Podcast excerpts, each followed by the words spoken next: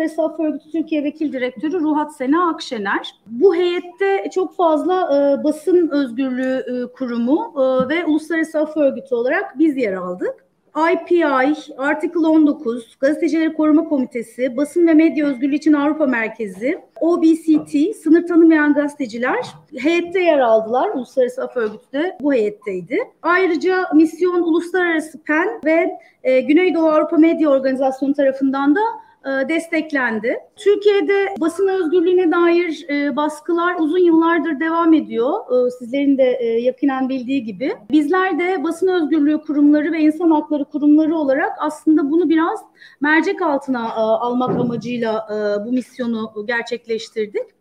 Şimdi sizlerle bu iki gün süren misyonda yapılan görüşmeler üzerinden Türkiye'de basın özgürlüğünün durumunu biraz değerlendirmek istiyoruz ve e, görüşlerimizi paylaşmak istiyoruz sizlerle. Basın açıklaması Türkçe ve İngilizce olarak olacak kısmi biçimde. Sözü devrederek aslında ilk sözü e, Oliver'a devrederek e, başlamak istiyorum. Tekrar teşekkürler geldiğiniz için. Yes, thanks. It's great to see so many of you you here this morning. So thanks very much for attending. Um, my name's Oliver Money-Kyrle. I'm the head of European advocacy at the International Press Institute. I mean, look, just you, you, you have the press release in, in front of you, but just to sort of summarize, we, we, we came out here, we, well, actually, we come out here, we've been coming out here, I think, every year for the last four years to meet with the Turkish government, with the Constitutional Court, with journalists and the media to discuss the crisis of press freedom, journalists' rights in, in, in this country. This is the second mission that I've been on, and we've seen how the situation has evolved over time. This year, we have come out as the new disinformation law is being has gone through Parliament. You will see that as a coalition of media freedom organisations, we've put out a number of statements condemning this disinformation law, and this mission gave us an opportunity to talk with stakeholders and politicians about the potential consequences of it. Clearly, there is the election due next June. And so it's no surprise that this law is being, you could say, rushed through in time for it to be on the statute books in order to uh, equip the government with the tools to control public discourse and public debate in the build up to the election. We're deeply concerned, obviously, about Article 29. That is of no surprise, which provides up to three years in jail for disinformation in a law which is vaguely worded and therefore open to wide interpretation and potential abuse by the authorities or by the judiciary in order to control and perhaps silence not just critical journalism, but I think general public debate and public discourse about the future, the political future of, of Turkey, as is should should take place during any general election campaign. One of the clear messages that I think we got from the discussions was a sense that this article is not anything new in the sense that it is simply putting into law a practice that has already been in place for some years, and certainly our monitoring and our work um, in Turkey will confirm that the we've witnessed how journalism has been criminalized, particularly since the attempted coup. Um, obviously, the hundreds of journalists who have been prosecuted and spent time in, in jail in the last few years. This is nothing new in a sense, but from our discussions, the sense was very much that all this law is doing is legalizing what um, has already been common practice. Um, that doesn't mean it's not, but clearly it's, it's deeply disturbing. The other elements of the mission discussions were our concerns about well, censorship and self censorship in the build up to the election, safety and security of journalists in the build up to the election. We're, we're, we're aware that this will be a very defining election uh, politically for the future of Turkey, and we can anticipate a crackdown on public discourse. And also a discussion for the first time, really, with as many political parties as were willing to meet with us. And we reached out to all political parties, both in government and, and in opposition, to have discussions about what their position is on media freedom and what their commitments would be post election to substantial media freedom reform. So those are the main elements of, of the mission. Perhaps I should hand over to Gürkan to give more details about specifically what the conclusions are. Thank you. Thank, Thank you, you so much. I'll, I'll just say some words. Bu yasayla ilgili bir iki e, söz söyleyip aslında Gürkan'a sözü bırakmak istiyorum. Oliver'ın da dediği gibi aslında Türkiye'de basına yönelik e, baskılar çok uzun yıllardır devam ediyor. İnsan hakları örgütleri de, basın hakları örgütleri de aslında özellikle e, muğlak terörle mücadele e, yasaları doğrultusunda e, basına yönelik baskıların arttığını defaatle ifade ediyordu.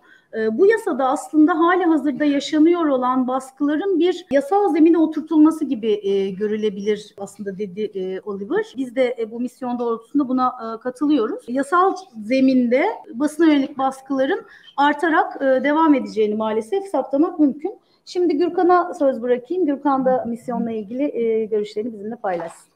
I will also continue in English and uh, I'm Gürkan Özturan, Media Freedom Rapid Response Coordinator from the European Center for Press and Media Freedom. And uh, I'm going to share with you six points that uh, we require, or not required, but uh, we hope to see some action in. The first one is the, the latest development regarding the disinformation law that has just passed in the parliament, combined with all the other uh, social media related laws that have been uh, passing in the past decade uh, in the Turkish general in the Turkish parliament in the General Assembly. This law also did not follow the procedures that need to be uh, followed. In the end, uh, we have come to see a, another, uh, yet another ambiguous law that is foreseeing prison sentences for the journalists and the general public. Also, we are curious to see what kind of purpose the Center to Combat Disinformation that has just been established over the summer uh, is going to serve in the uh, coming period even before passing of this law, a center has been established in Turkey to combat disinformation, and this is going to be interesting to monitor uh, what kind of impact it is going to have on media freedom. Another element that we have focused on during our mission was regarding the independence of the judiciary. In the last several years, we have been monitoring uh, closely what kind of developments are taking place uh, regarding judicial harassment of journalists. And uh, impartiality and independence of the judiciary uh, is another element that we hope to see developments in. And uh, during our mission uh, with the Turkish Constitutional Court, uh, we have raised certain uh, several issues, and we have been informed that there are multiple pilot rulings that have been addressing the structural problems with the laws impacting free expression. However, there are still many challenges around the implementation of the Constitutional Court's rulings. Yet another point that we need to bring up is uh, regarding the media regulatory bodies. During our mission, we have uh, requested meetings, but I have been unsuccessful in uh, meeting the officials. These institutions that uh, need to be depoliticized and reformed are the Press Advertising Agency, the Radio and Television High Council, and uh, the Information and Tele uh, Communications Technologies Authority especially regarding the BTK gate, we are uh, again monitoring closely and hoping to see that these institutions will be depoliticized in the future and be reformed in structure. The safety of journalists is yet again uh, another point that is coming up uh, quite often. Unfortunately, we have been uh, seeing quite many alerts in Turkey on our monitoring platform, Mapping Media Freedom. We have reported 26 cases where journalists have been assaulted violently this may come through uh, police intervention or uh, individuals attacking journalists. And in either case, journalist safety is becoming an issue uh, more and more often uh, in our radar. There are uh, there is especially one significant alert that comes out from these 26. Uh, it is the one that is concerning Gezi Park protest commemoration and the Pride uh, March in Istanbul, when Istanbul Chief of Police has, in front of the cameras, threatened multiple journalists. We, during the mission, our delegation also called on all the political parties to condemn any attacks on journalists and guarantee the rights of journalists to freely and safely cover the election process. There are two more points that we would like to bring up. One of them is concerning the imprisoned uh, 15 journalists and one media worker in Diyarbakir in June again. They are being currently uh, held in pre-trial detention since June, and this mission again really uh, renews its calls for release of all jailed journalists. Finally, the process of press accreditation and the issuing of the press cards is the, uh, a point that we would like to bring up. This process must be reformed and depoliticized as well. The accreditation must be taken out of the hands of the Presidential Communications Directorate, which has uh, abused its position to remove press cards of hundreds of critical journalists, and this needs to be replaced by a process that is being led by the journalists, journalist associations, and media organizations themselves. In the next two months, we are going to prepare a full report on our mission and the visits, and uh, we will again be sharing our findings with all of you. Thank you for joining us today, and uh, I would like to hand over the floor to Ruhat. Teşekkürler Gürkan. Misyonun önemli noktalarından bir tanesi de Gürkan'ın bahsetmiş olduğu gibi e, hem yargısal mekanizmalarla hem de kamu idaresi kurumları e, aracılığıyla aslında basın üzerinde e, ve ifade özgürlüğü üzerinde uygulanan baskılardı. Çok teşekkürler Gürkan. Bir diğer başlığımız da basın mensuplarının ve gazetecilerin uğradığı aslında hem yargısal baskılar, soruşturmalar, kovuşturmalar, yargı eliyle bir anlamda e, basın özgürlüğünün engellenmesi hem de fiziksel saldırılar veya bunlara yol açabilecek e, bir e, atmosferin e, yaratılıyor olmasıydı. Misyonda aslında e, konuştuğumuz ve dile getirilen önemli noktalardan bir tanesi de buydu. Zaten e, kusurlu işleyen e, yargı eliyle e, basın özgürlüğü ve ifade özgürlüğünün e, önünde birçok e, engel yaratılıyor. Çok sayıda gazeteci kovuşturmalara ve soruşturmalara tabi tutularak aslında ifade özgürlüğü anlamında e, özgür hareket etmeleri engelleniyor. Aynı zamanda fiziksel saldırıları da maruz kalıyorlar. Bununla ilgili de misyonda bir başlığımız vardı. Bu noktada biraz Özgür'den de görüşlerini almak isteriz. sana bırakıyorum sözü Özgür. Teşekkür ederim. Hoş geldiniz hepiniz.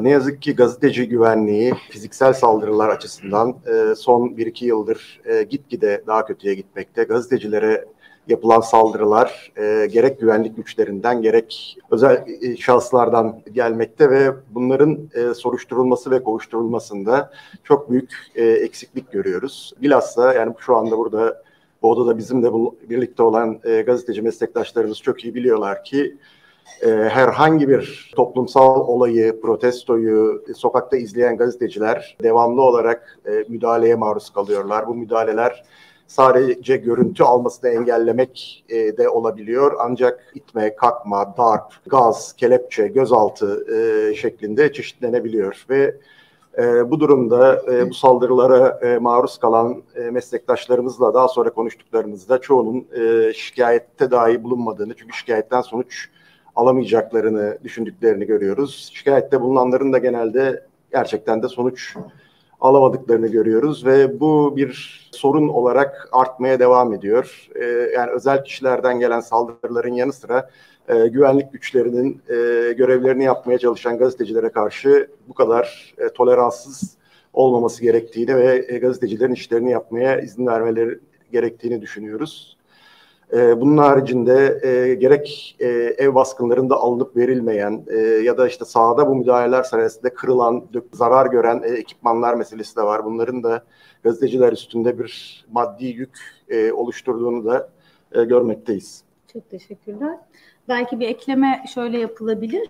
Tabii ki e, sadece ifade özgürlüğü hakkının ya da basın özgürlüğü hakkının engellenmesi diğer temel hakların e, engelleniyor olmasından bağımsız düşünülemiyor özellikle gazeteciler e, mesleklerini icra ederken protesto hakkı engelleniyorken kolluk tarafından e, Özgür'ün de bahsettiği gibi ciddi baskılara maruz kalıyorlar. Fiziksel şiddete ve engellemeye maruz kalıyorlar. Aslında bunu biraz şey olarak da okumak lazım. Yani protesto hakkı engelleniyorken bir yandan e, basın özgürlüğü de haber alma hakkı da e, fiziksel biçimde kolluk kuvvetleri tarafından engel, engellene geliyor diyebilirim hemen hemen son dönemdeki bütün protestolarda, barışçıl protestolarda protesto hakkının engellenmesi yanında gazetecilik yapma hakkı da aslında e, engelleniyor. Bu da oldukça e, gözlemlediğimiz konulardan bir tanesi.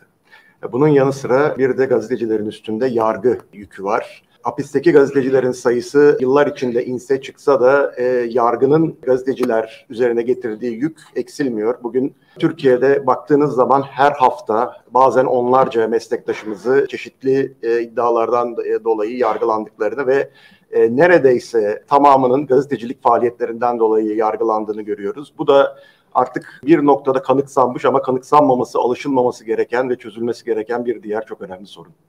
Çok teşekkürler. Misyona dair paylaşacaklarımız kadardı. Zaten elinizde hem İngilizce hem Türkçe olarak e, basın açıklaması mevcut. Çok teşekkürler tekrar geldiğiniz için.